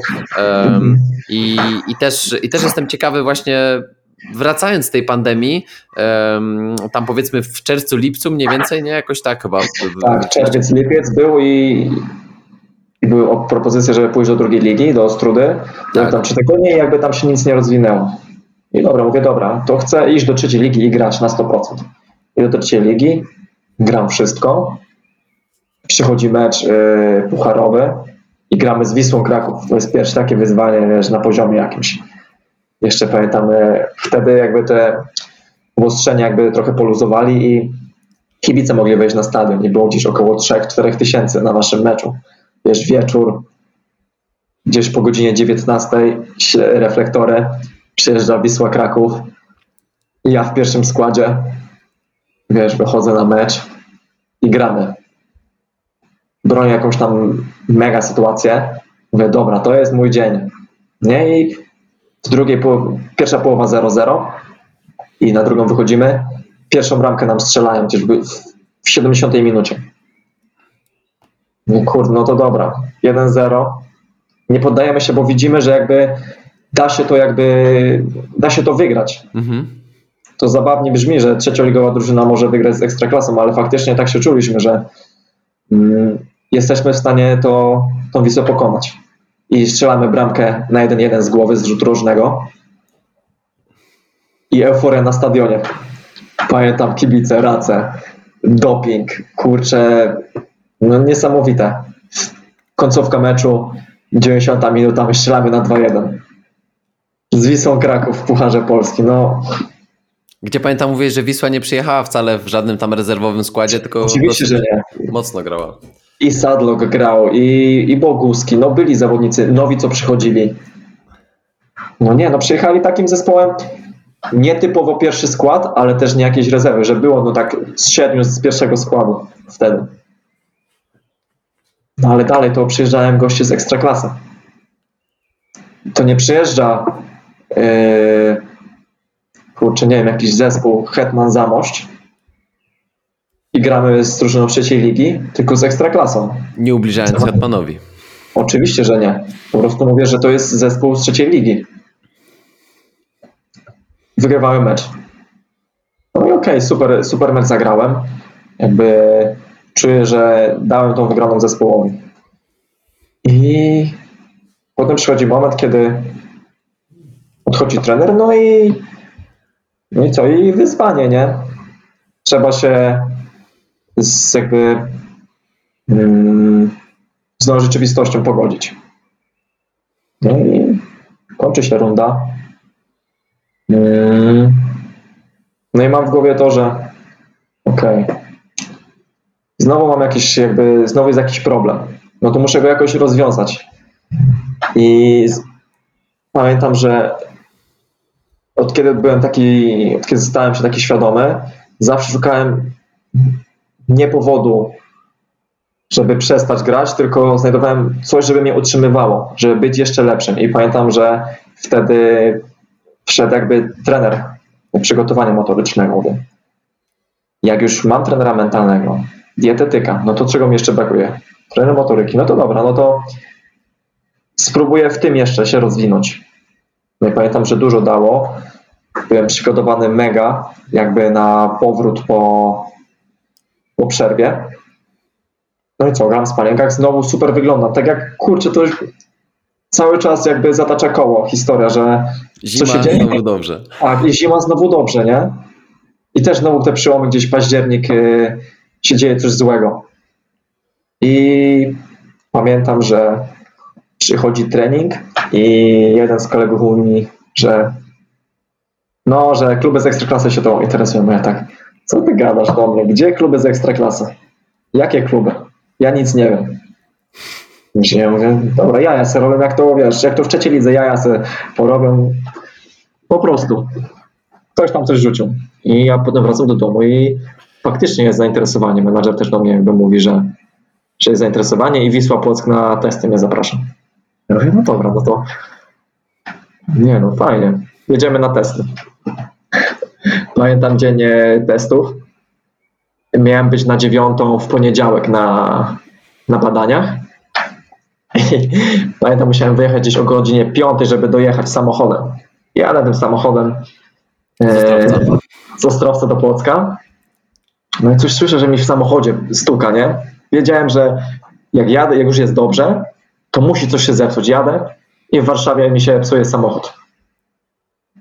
Mi się samochód ja nie mogę dojechać do Płocka. Zostaje mi półtorej godziny. Ja muszę być za półtorej godziny w Płocku. I mówię, no dobra, co mam teraz zrobić? I wynajmuję szybko jakiś samochód. Panek, wynajmuję panka i mówię, dobra, jadę pankiem. W połowie drogi patrzę i mi się psuje nawet ten panek. I mówię, nie, no oni nie chcą, żebym tam jechał do, te, do tego Płocka. Nie mogę być w ekstraklasie. Nie mogę nawet pojechać na te testy. Jakoś tam cudem dojeżdżam. Pamiętam, przez zderzak chyba odpadł, musiałem go jakoś dopinać. Dojeżdżam do Płocka, badania i wszystko jest ok. Na testach jakby wypadłem w porządku, ale nie byłem pewny co do, co do mnie. Mhm. I wracam do, do Ostrowca i, i żyję z, ze świadomością, że ok, byłem, pokazałem się, zobaczyłem jak to jest, fajnie, ale jestem tutaj, muszę żyć e, tym, co jest teraz. Jestem w trzeciej lidze i muszę walczyć o ten skład, żeby grać na wiosnę. Po dwóch tygodniach przychodzi informacja, że, że Płoc jednak chce, jednak mnie chce i podpisujemy w końcu upragniony kontrakt. No i jestem w Ekstraklasie. A samochód dalej w Warszawie stoi zepsuty? Nie, samochód na szczęście na szczęście naprawiony. Na szczęście naprawiony, ale faktycznie to było wiesz, to jest jak, to jest takim, to jest jak historia z lizakiem. Że dajesz dziecku lizaka na początku w tej flegi, wyciągasz jakąś rękę z lizakiem, a nie, nie dam ci. Potem już, ma, już go dotyka tego lizaka, jak w miedzi, już zagram ten mecz, a nie, pandemia, to nie damy ci tego lizaka. Potem gram w Ostrowcu, już trzymam tego lizaka, trzymam tego lizaka, ale mi go znowu zabierają. No i teraz dostałem tego lizaka, tylko jeszcze w papierku i co dalej będzie, to ode mnie zależy. Dobre, podoba mi się to porównanie. Rodzi mi się kilka, e, kilka wniosków w głowie, wiesz, bo wracając do tego meczu z Wisłą, to jest tak, że przychodzisz, przychodzisz do miejsca, które teoretycznie e, robisz krok w, krok w tył, można powiedzieć, nie? No bo jesteś Miedzi Legnica, która e, w teorii oczywiście ma pierwszą ligę, tak? Mógłbyś się tam bić o, o, o skład, ale dobrze wiemy, że, że, że, że te wyzwanie było, to wyzwanie było naprawdę trudne. Ty już byłeś zdecydowany na, na, na ruch transferowy, na odejście, więc ja też rozumiem, że, że, w, że w tamtym momencie no już szukałeś e, nowego miejsca. No i wiesz, mo, można powiedzieć, ok, mogłeś zostać w Ostrudzie w drugiej, lidze, w drugiej lidze i wiesz, i, i, i bić się o, o jedynkę, no bo, bo nie oszukujmy się, tam mogłeś zostać, tylko nie chciałeś być drugim, nie? Tak, no w sensie miałem tę świadomość, że przez te trzy lata było mało gry, ja tak. musiałem jakby grać, jakby miałem tę świadomość, że okej, okay, nie możesz, chcesz iść wyżej, że jakby masz umiejętności, ale musisz jakby patrzeć na to, że granie jest najważniejsze na ten moment. I jakby dlatego była taka decyzja. Właśnie i to też była taka ważna i dojrzała, e, dojrzała decyzja, bo ja uważam, że, że, że w takim momencie właśnie musisz myśleć o tym, co ci jest najbardziej potrzebne i nagle się okazuje, że masz, masz wielką szansę zagrać e, e, wiesz, Pucharze Polski, bo, bo Krzoostrowiec wygrał regionalny puchar rok wcześniej, więc, więc automatycznie wiesz, masz, masz awans do, do, do ścisłego Pucharu Polski i w takich meczach tutaj przychodzi mi od razu powiedzenie, które, które może jest takie, wiesz, takie bardzo górnolotne e, i wiesz, i trochę taki truizm e, piłkarski, ale nigdy nie wiesz, kto na ciebie kiedy patrzy. Bo, bo, bo to wiesz, kluby z ekstraklasy nie obserwują zawodników przez tydzień albo dwa, tylko nie. E, no właśnie, nie? To jest to, jest to że, że, że w takim meczu z Wisłą e, ktoś już mógł na ciebie patrzeć. Może ktoś yy, podstawił kropkę na D po meczu z taką Wisłą, prawda? Bo, bo przecież później po tym meczu, po pierwsze to jest niezapomniane yy, wydarzenie. To są takie rzeczy, które są chyba yy, najpiękniejsze w piłce, że ona zostawia takie wspomnienie, takie emocje yy, i uczestniczysz w tak wspaniałych, można powiedzieć, momentach, przeżywasz to wszystko. Jeszcze kiedy jesteś po środku tego, tak jak ty, wiesz, wtedy w bramce, no to już w ogóle masz naj, najfajniejszy, wiesz, najfajniejsze wspomnienia swojego życia, y, mimo że to było tylko na poziomie trzecioligowym. Natomiast y, zobacz, że, że y, później mm, zdarzają się jak to normalnie w piłce, jakieś, jakieś wyzwania. Stawiane są przed tobą, wiesz, kolejne kłody pod nogami. I tutaj mi się rodzi kolejna rzecz, że tak jak powiedziałeś, zmiana trenera, automatycznie zmiana warty, choć y, obaj dobrze wiemy, że akurat dwaj bramkarze, y, ty y, i, i, i drugi chłopak w Przeostrowiec, y, obaj byliście na wysokim poziomie. Krzą miało to szczęście, że, że w tamtym momencie y, miało dwóch naprawdę świetnych bramkarzy y, i przychodzi zmiana warty i automatycznie jest gra opinii piłka nożna to jest jedna wielka gra opinii. Nie? I zobacz, że, zobacz, w jaki sposób to działało. Jeden trener wolał ciebie w e, bramce, przyszedł ktoś inny i, i następuje zupełnie inna, inna, inna, um, inna preferencja, prawda? I teraz to jest ważne, żeby to wybrzmiało, że w takich sytuacjach juniorskie podejście jest takie, żeby się, wiesz, złamać, yy, zrezygnować, już, wiesz, już obwiniać trenera, że się uwziął, że źle, że, że zrobił i tak dalej, a ty no, zacząłeś tak szukać. Nie, nie, można. Nie można tak zrobić. Nie, nie, nie. Jakby te wszystkie rzeczy, które się działy przedtem, no jakby doprowadziły mnie do tego, że no nie mogę tak robić, że się teraz poddam. Że po coś to było, że cały czas wychodzę z takiej świadomości, że po coś gram od tego szóstego roku życia w piłkę, to już jest 15 lat, że szkoda by było to marnować na to, że a dobra, załamuję się, tylko że dalej jakby cisnę w tym, żeby, żeby grać, żeby pozostać w tej piłce, gdzie wiesz, przychodzi moment, kiedy są matury, jakby każdy się zastanawia, to jest ten moment, kiedy czy dalej zostać w piłce i przejść do seniorskiej z seriotki, czy, czy może pójść na studia. I to jest ten nagle okres, nie? Mhm. I wielu moich kolegów jakby podjęło tą decyzję. Ważną, gdzie wiesz, ja jeszcze wtedy na tamten moment nie byłem e, jakby na tyle dojrzały, żeby podejmować, a jednak musisz ją podjąć, tą decyzję. I jakby młodsi mają z tym jakby mają ten problem, że muszą podejmować decyzje, które na dany moment są jakby za duże. Tak, przerastają cię. Znaczy przerastają jakby ich, nie? Mhm. Tak, tak. I wiesz, i teraz zobacz. Y, sztuką jest w sytuacji, w jakiej ty się znalazłeś, bo ty wydaje mi się, że przeszedłeś koło tego tak trochę obojętnie, obojętnie teraz mówiąc o tym. Ja bym chciał to podkreślić e, jako ważna rzecz, e, bo, bo dla ciebie to już było coś rutynowego. Natomiast zobacz, pojawiło się wyzwanie w postaci tego, że, że straciłeś miejsce w, w bramce. E, pierwsze, co zrobiłeś i co powiedziałeś oczywiście jasno, że ty się tego nauczyłeś w drodze po prostu, zastanowiłeś mhm. się, e, co możesz zrobić zamiast szukania problemów i w tym momencie e, obwiniania i wiesz, i, i marnowania energii na nieodpowiednie rzeczy. Powiedziałeś szukania przyczyn, nie? Jedną z przyczyn było, ok, czego mi jeszcze brakuje, czyli szukam w sobie deficytów. W tym momencie jednym z deficytów było być może przygotowanie motoryczne i jakieś konkretne aspekty, nad którymi zacząłeś pracować. Czyli można powiedzieć tak, przyszło wyzwanie, przyszła jakaś blokada, zastanowiłeś, się nie jak się użalać nad tą blokadą i jak narzekać na to wszystko, tylko co jeszcze można włożyć od siebie. Jak jeszcze można się zająć tym, co, e, co, co, co, co ty byś chciał, żeby jeszcze usprawnić swoją, e, swoją własną maszynę, nie? E, żeby ten silnik jeszcze lepiej funkcjonował. I to jest taka myśl przewodnia tego, co robić podczas wyzwań, bo najlepiej podczas trudnych momentów jest nie zastanawiać się, jak te problemy mogą cię zniszczyć, tylko co możesz zrobić, żeby w dobie problemu, w dobie wyzwania jeszcze bardziej się wzmocnić. Tak, żeby nie szukać jakby innych, tylko spojrzeć na siebie, co jeszcze mogę poprawić faktycznie. Mhm. Co mogę jeszcze poprawić, żeby być lepszym. Żeby może jakoś, a może jakaś rzecz akurat się spodoba trenerowi, że ty jesteś ambitny. No, może sam jakby fakt, że podjęcie to jakby Inicjatywy. tego kroku inicjatywy, tak, żeby, żeby coś zrobić, już trenera przekona do tego, żeby, żeby dać szansę. W najgorszym wypadku staniesz się tak. lepszym po prostu w tym, co robisz. Oczywiście, że tak. Poza tym, jakby droga, jakby patrząc na to, jakby mm, na te kluby, w których byłem, no to jakby nie mogę się przejmować tym, że w jednym mi nie wyszło, w drugim mi nie wyszło. Znajdzie się w końcu klub, w którym cię docenią, po prostu i znajdziesz jakby swoje miejsce na ziemi. Mówię, mówię teraz do słuchaczy. Między nami on tak nie gadał dwa lata temu, także, także widać progres. uczy się, uczy się na, na własnych doświadczeniach.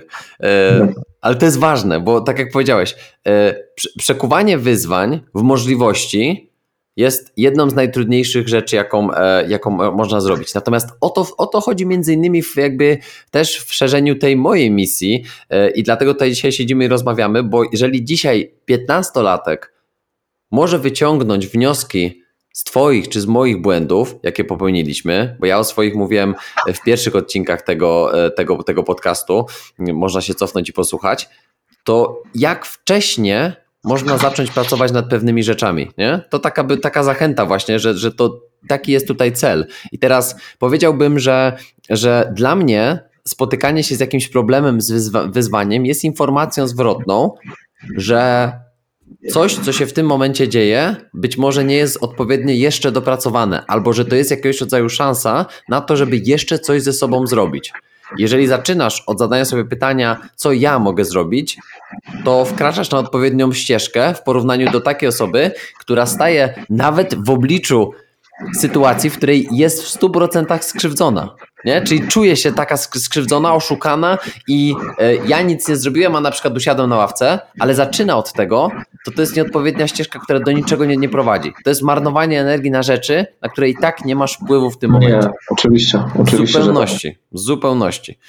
E, dlatego, dlatego wydaje mi się, że, że tutaj wybrzmiały bardzo ważne słowa i też odpowiedziały na, na, na, na kilka moich pytań i takich pewnie ciekawostek, które chciałem, żebyś przekazał. Natomiast Stoisz dzisiaj też, wiesz, jako, jako zawodnik ekstraklasowy i oczywiście yy, znane porzekadło sportowe i piłkarskie, że wiesz, że, że łatwiej się jest dostać niż utrzymać na, na jakimś poziomie, więc teraz na pewno duże wyzwanie przed tobą, żeby się utrzymać na tym poziomie, na, na którym jesteś, na ten moment, bo wiadomo, że ty chcesz iść do góry. Nie chcesz tak, oczywiście, że tak. na tym poziomie, tak? Jakby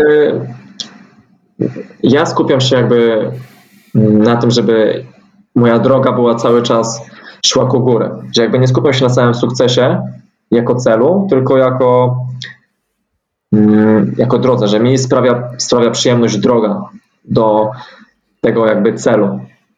To jest dla mnie sukces, że, że ja ciężko pracuję, że są te jakby przeciwności losu, ale jakby ja jakby je mm, przechodzę i to jakby daje tą świadomość, że kurczę, że robię coś faktycznie dobrego że, że to ma sens, że to nie jest takie proste, że kurczę, tu się dostaje, tu się dostaje, że jakby wszystko tak prosto przychodziło, to jakby nie do, człowiek by nie doceniał tego, tego, co ma i tu, gdzie się znajduje. Ważne. Ważne, ważne to, co powiedziałeś. I dlatego, dlatego na tej drodze, która, która przed tobą, e, bo, bo, bo tak, jak, tak jak powiedzieliśmy, droga jest celem, a, a cel jest drogą. Bo, bo wiadomo, że idąc, e, idąc w klapkach na oczach, nie wiedząc gdzie, gdzie idziesz, no to cię nie doprowadzi do niczego. Ale z drugiej strony, idąc, nie skupiając się na tym, na czym idziesz, co masz pod nogami, tylko patrząc na, na linię mety, tak samo nie, nie, nie, nie, nie, nie doświadczasz tej pełni, o której ty teraz mówisz, czyli pełni takiego doświadczenia. A pełnia doświadczenia niekoniecznie oznacza same szczęśliwe e, momenty usłane, e, wiesz, krainą mlekiem i miodem płynącą, w której wszystko wychodzi, wszystko jest idealnie i wszystko jest sprawiedliwe. Bo życie nie jest sprawiedliwe. To jak piłka i sport mają być sprawiedliwe. Tam, gdzie, tam, gdzie w grę wchodzą pieniądze, e, tam. tam się rodzą wyzwania i to też trzeba sobie jasno powiedzieć, że na najwyższym poziomie na najwyższym poziomie piłkarskim w Polsce. My dobrze o tym wiemy, bo, bo, bo, bo, bo pracujemy w samym środku też e, tego, tego Twojego przechodzenia przez proces właśnie walki o ekstraklasę. Wiemy, że, że piłka w ekstraklasie wiąże się z czymś więcej niż tylko graniem w piłkę. Oczywiście, ważne. ale nawet e, ja na to patrzę tak, że, że to już nie jesteś jakby w, w, w drużynach juniorskich, już nie walczysz tylko ze swoim rocznikiem, już walczysz z każdym na świecie tak naprawdę z każdym świecie, w każdym wieku, yy, kolor skóry, narodowość, z każdym walczysz. Po prostu o to, żeby grać w piłkę. Że możesz być naprawdę, nie wiem, najlepszy w roczniku, w, jakby w swojej drużynie, ale to jakby nie zwalnia cię do tego, żeby nie pracować, bo jakby jest coś więcej niż tylko drużyna juniorska, na której się znajdujesz. Tylko jest coś więcej, jest więcej powiedzmy na świecie ludzi, co ma tak jak ja 27 lat. Tak. Jest więcej, którzy są bramkarzami i też mają takie same marzenia, tylko co jakby zrobisz w kierunku tego, żeby być tym najlepszym. Żeby stawiać sobie cel. Dobra, chcę być teraz najlepszy w drużynie. Potem chcę być najlepszy powiedzmy w mieście, w województwie, w Polsce, na świecie, żeby tak sobie stawiać cele, żeby nie na, na laurach jakby nie Spocząć. spocząć dokładnie. Mhm. No, to jest dobre, podoba mi się to. Słuchaj, kilka, kilka takich, e, kilka szybkich strzałów, czyli kilka Okej. szybkie, szy, szybkie pytanie, twoja szybka odpowiedź intuicyjna, to co ci pierwsze przychodzi do głowy. E, bo też jestem ciekawy po, po, po czasie, po też spojrzeniu na swoją podróż właśnie, e, jakie rzeczy od razu ci przychodzą do głowy myśląc o tych rzeczach. Wiem, że zdefiniowałeś już poniekąd właśnie czym jest dla ciebie sukces, ale, ale właśnie szybkie pytanie, czyli takie powiedzmy wiesz, kilku, kilkuwyrazowe, jednozdaniowe. M- Słyszysz sukces? Myślisz? E, droga i, i wyzwania, które muszę zrobić, żeby osiągnąć cel. Mhm. Myślisz, e, słyszysz szczęście? Myślisz? Mm, szczęście. E, kurczę, nie jestem nawet w stanie jakby stwierdzić, co jakby dla mnie szczęście jakby w życiu. A co dla myślisz? mnie szczęście, szczęście jest, nam, jest to na pewno, że mam takich rodziców, którzy pomimo tego, że mm, nie znają się na piłce jakby, wiedzą jak, jak się gra w piłkę, ale jakby nie znają tego otoczenia. Ale pomimo tego jakby zawsze w mnie wierzyli, zawsze jak była kontuzja, to zawsze mi pomagali i zawsze mnie wspierali, pomimo tego, że pewnie nie rozumieli mnie w pewnych sprawach, ale jakby jako człowiek e, pom- pomagali mi jako człowiek. Zawsze był dobry i, i tak, no i to jest dla mnie szczęście, że mam takich rodziców. Super, no. Właśnie o to mi chodziło. Co ci od razu przychodzi do głowy? Bo wiesz, każdy tutaj będzie miał coś, coś, coś innego, nie? E, co, co, co przychodzi. Kilka jest w ogóle związanych z piłką, e, tylko po, Mhm. chciałem po prostu uruchomić trochę twoją, wiesz, twoją, twoją kreatywność Okej. myślenia. My, e, słyszysz związek, myślisz? Związek małżeński. Okej, czyli widzisz, i to, to pokazuje, że myślisz poważnie. Nie? Bo ja na przykład związek, to mógłbyś tak pomyśleć, nie wiem, dziewczyna, nie? Albo mógłbyś pomyśleć, nie wiem, e, nie wiem, namiętność No. na przykład, nie? Wiesz, Okej. wiesz o co No. chodzi, że jakby dla mnie, jak Tak, myślisz związek, jesteś myślisz małżeński, to bym powiedział, że no pewnie, e, w jakim stopniu pewnie związek małżeński to taka fraza, która najczęściej używa się Tak, pewnie w, tak. tych, e, w tych, ale może być też, nie wiem, związek przyjacielski, może być związek platoniczny, może być związek e, rodzicielski, no wiesz o co chodzi, Mo, można było Mhm. wiele tej rzeczy pomyśleć, nie? Oczywiście. Kilka strzałów typu, wiesz, A czy, A czy B, okej? To Dobra. także wy, wybierasz swoje preferencje. Morze czy góry? Góry. Morze czy, kawa czy herbata? E, Herbata. Herbata. Śniadanie czy kolacja? Nie, no śniadanie, kolacja to już mniej. Śniadanko jakieś dobre, mocno to. to Na słono czy na słodko? Nie, no na słodko, no jednak ta moja jakby natura nie pozwala mi na to, żeby zrezygnować troszkę z tych słodyczy. E, dalej. E, pizza czy burger? Nie no, pizza 100%. Nie, mam korzenie z Włoch, tak naprawdę. Tak? Nie no, żartuję. A skąd wiesz? Musiałbyś sobie zrobić jakiś test genetyczny, nie? żeby To wiedzieć. faktycznie, no, no, może Są, kiedyś. są takie, naprawdę. Nie pamiętam z czego to robisz. Chyba z włosa, chyba z włosa robisz, albo z, i chyba też ze śliny. I, I dostajesz w informacji procentowy rozkład tego, jak twoje jakby mm, twoje pochodzenie rozkłada się procentowo. Czyli tam wiesz, e, pamiętam, że moi wujkowie robili to z moim dziadziusiem, dlatego że mój dziadziuś ma takie Mhm. trochę niejasne pochodzenie, bo on się urodził w Wilnie, czyli na Litwie, Okej. tylko w 1934 roku Wilno było częścią Polski. E, Mhm. y, Jakoś tak mi się wydaje, że to jeszcze były te czasy, więc teoretycznie dziadziuś jest jakby Litwinem, no ale jest Polakiem, e, z, z, dlatego że, że tam w wieku 6-7 lat wyjechał i no tak jak mówię, Wilno było polskie w, w tamtym czasie, natomiast e, on też, wiesz, zawsze miał taką bardzo ciemną karnację i szukali tego właśnie, wiesz, tego Okej. jego prawdziwego prawdziwego pochodzenia. Nie, że tam, nie wiem, żebyś powiedział, że nie jest z Polski, tylko po prostu miał ciemniejszą karnację niż większość osób w naszej rodzinie. Powiedzmy. Sama ciekawość, nie? Sama Tak. ciekawość. Dokładnie. No i oczywiście wyszło mu większości. jakby myślisz sobie Słowianie, no to jednak biała karnacja, nie? Tak, nie jasne. ciemniejsza. Dokładnie. Jemu tam wyszło, że miał część, e, oczywiście najwięcej było Polak, było Litwin, ale był jakiś tam procent chyba Ormianin, z tego co pamiętam. No Więc widzisz, jakby- no i już jakby z tego wychodzi, no. Być może, być może, że to już, to już, Dokładnie. było, to już było to. E, wakacje, wakacje all inclusive, czy wakacje e, zwiedzam w każdym dniu w innym miejscu? Zwiedzanie 100%. Nie, nie, nie lubię jakby w jednym miejscu siedzieć. Kurczę, no nie, nie sprawia mi to radości. Okej, mogę godzinkę, dwie poleżeć sobie, ale zwiedzanie jakby, to jest jakby mój cel jakby na przyszłość. Wiem, że jak kurczę, kiedyś skończę z tą piłką, to na pewno będę chciał dużo, dużo więcej zwiedzać. Pewnie, no bo to tylko czas jest blokadą, nie? W tym momencie. No pewnie. E, I ostatnie z serii tych, wiesz, tych e, czy czy, e, można powiedzieć. I znowu będzie, znowu będzie żywieniowe, bo, bo, bo, bo, bo takie, też, takie też tutaj lubię. Najpierw inaczej, tak. Kto, kto, kto, kto, kto przygotuje romantyczną kolację? Karol czy Paula? Kto przygotuje romantyczną kolację, Karol czy Paula? Oboje. Ja myślę, że oboje, że jednak będzie podział. Okej, bardzo ładnie. Teraz, co, e, co, co byłoby na, na twój idealny deser przy takiej kolacji? Na idealny deser.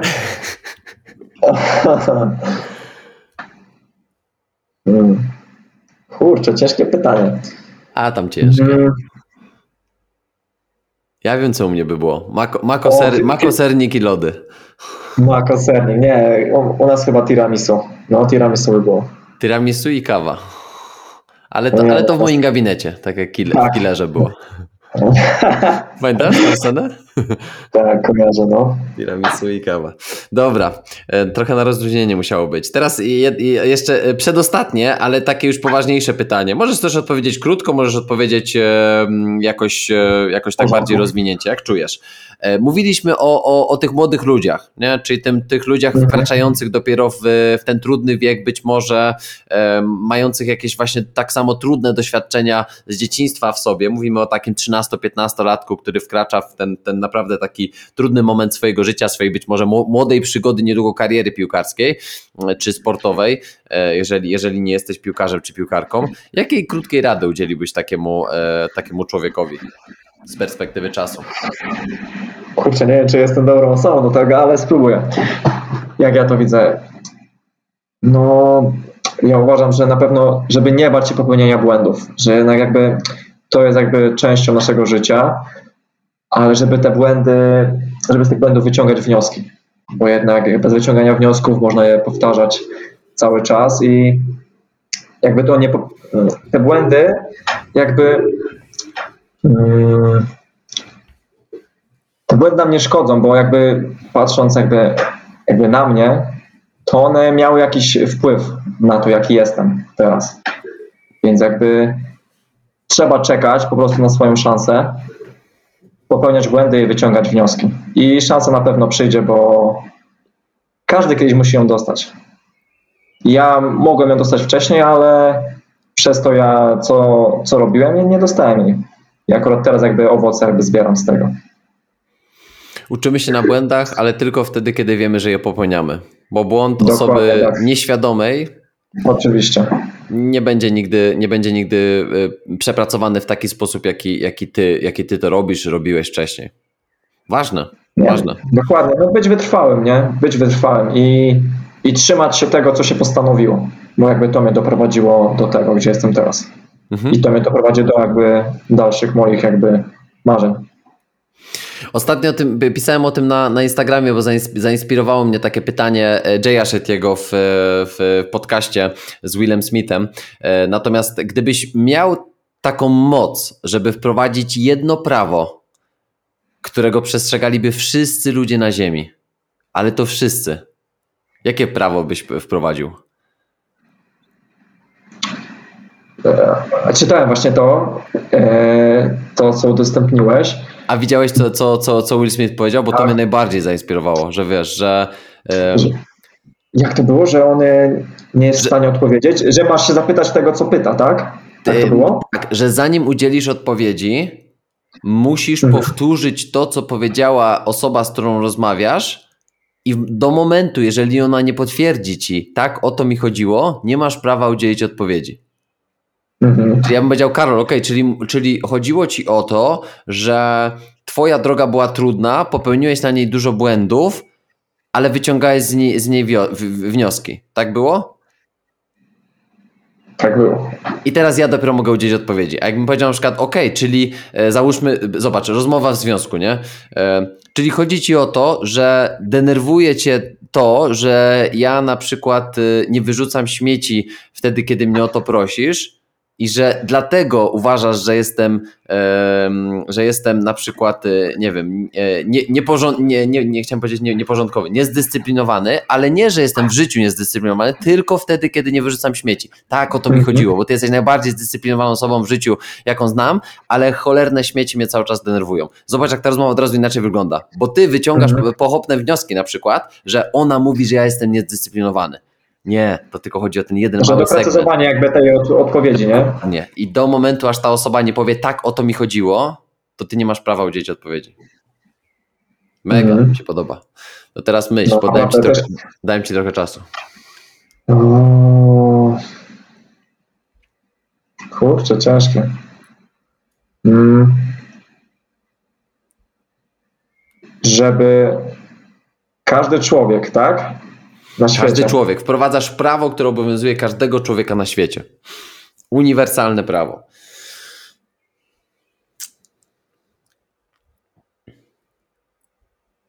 Że kurde, ciężko, naprawdę ciężko mi coś powiedzieć. No, powiedział, nie, mam cały czas w głowie tą jakby tą wytrwałość, nie? Żeby każdy był wytrwały i dążył do swoich celów. Żeby, żeby nikt się, żeby nie, nie poddawali się ludzie tak, tak łatwo. Okej, czyli jakby prawo brzmi tak, jakby y, w świet, bo wytrwałość to jest działanie pomimo wyzwań, więc ja trochę tak, Tak. to przerobię, nie? Stosując prawo Mhm. Willa Smitha, powiedz mi, czy o to ci chodziło. E, czyli, Okej. czyli nie masz prawa się poddać w obliczu jakiegoś problemu i wyzwania, tylko prawem jest to, że musisz spróbować kontynuować, działać pomimo jakiegoś problemu i wyzwania, które e, staje przed tobą. Jeżeli dojdziesz do ściany i powiesz sobie, rezygnuję, ale nie dlatego, że pojawiło się wyzwanie, tylko czuję, że po prostu na przykład nic tutaj nie wskuram. To dopiero wtedy możesz zrezygnować, ale nie możesz zrezygnować się poddać, kiedy pojawia się jakiś problem, wyzwanie. Dokładnie tak. Dokładnie. Podoba mi się, podoba mi się to. Na to wychodziło, no. Bo ludzie Dobrze rezygnują powiem. za szybko, bo ludzie przestają no. pracować z- zbyt pochopnie właśnie często. Ale to nawet chodzi nawet o, o wszystko. Naprawdę o wszystko. Czy Tak. o to, jak wyglądają, czy jakby jakieś cele No. sobie stawiają powiedzmy na nowy rok i po dwóch miesiącach już ich nie ma. Tak. Codzienne życie, choćby sprawy związkowe, słuchaj. Ile związków Oczywiście. mogłoby na przykład istnieć dzięki tylko tym dwóm prawom? Bo rozmowa wyglądałaby inaczej. Wiesz, czego byśmy wreszcie nauczyli się robić? Słuchać. Bo byś Mm. naprawdę się wsłuchiwał to, co do ciebie mówi druga osoba, a nie tylko słyszał i już formułował swoje wnioski, swoje emocjonalne odpowiedzi. A tutaj byłoby tak, że a dobra, szkoda gadać, nie, nie chce mi się w ogóle z tobą, z tobą rozmawiać, bo to nie ma sensu. A teraz, gdyby dwie osoby wiedziały, że nie, nie poddamy się, wiesz, będziemy walczyć na, o ten związek.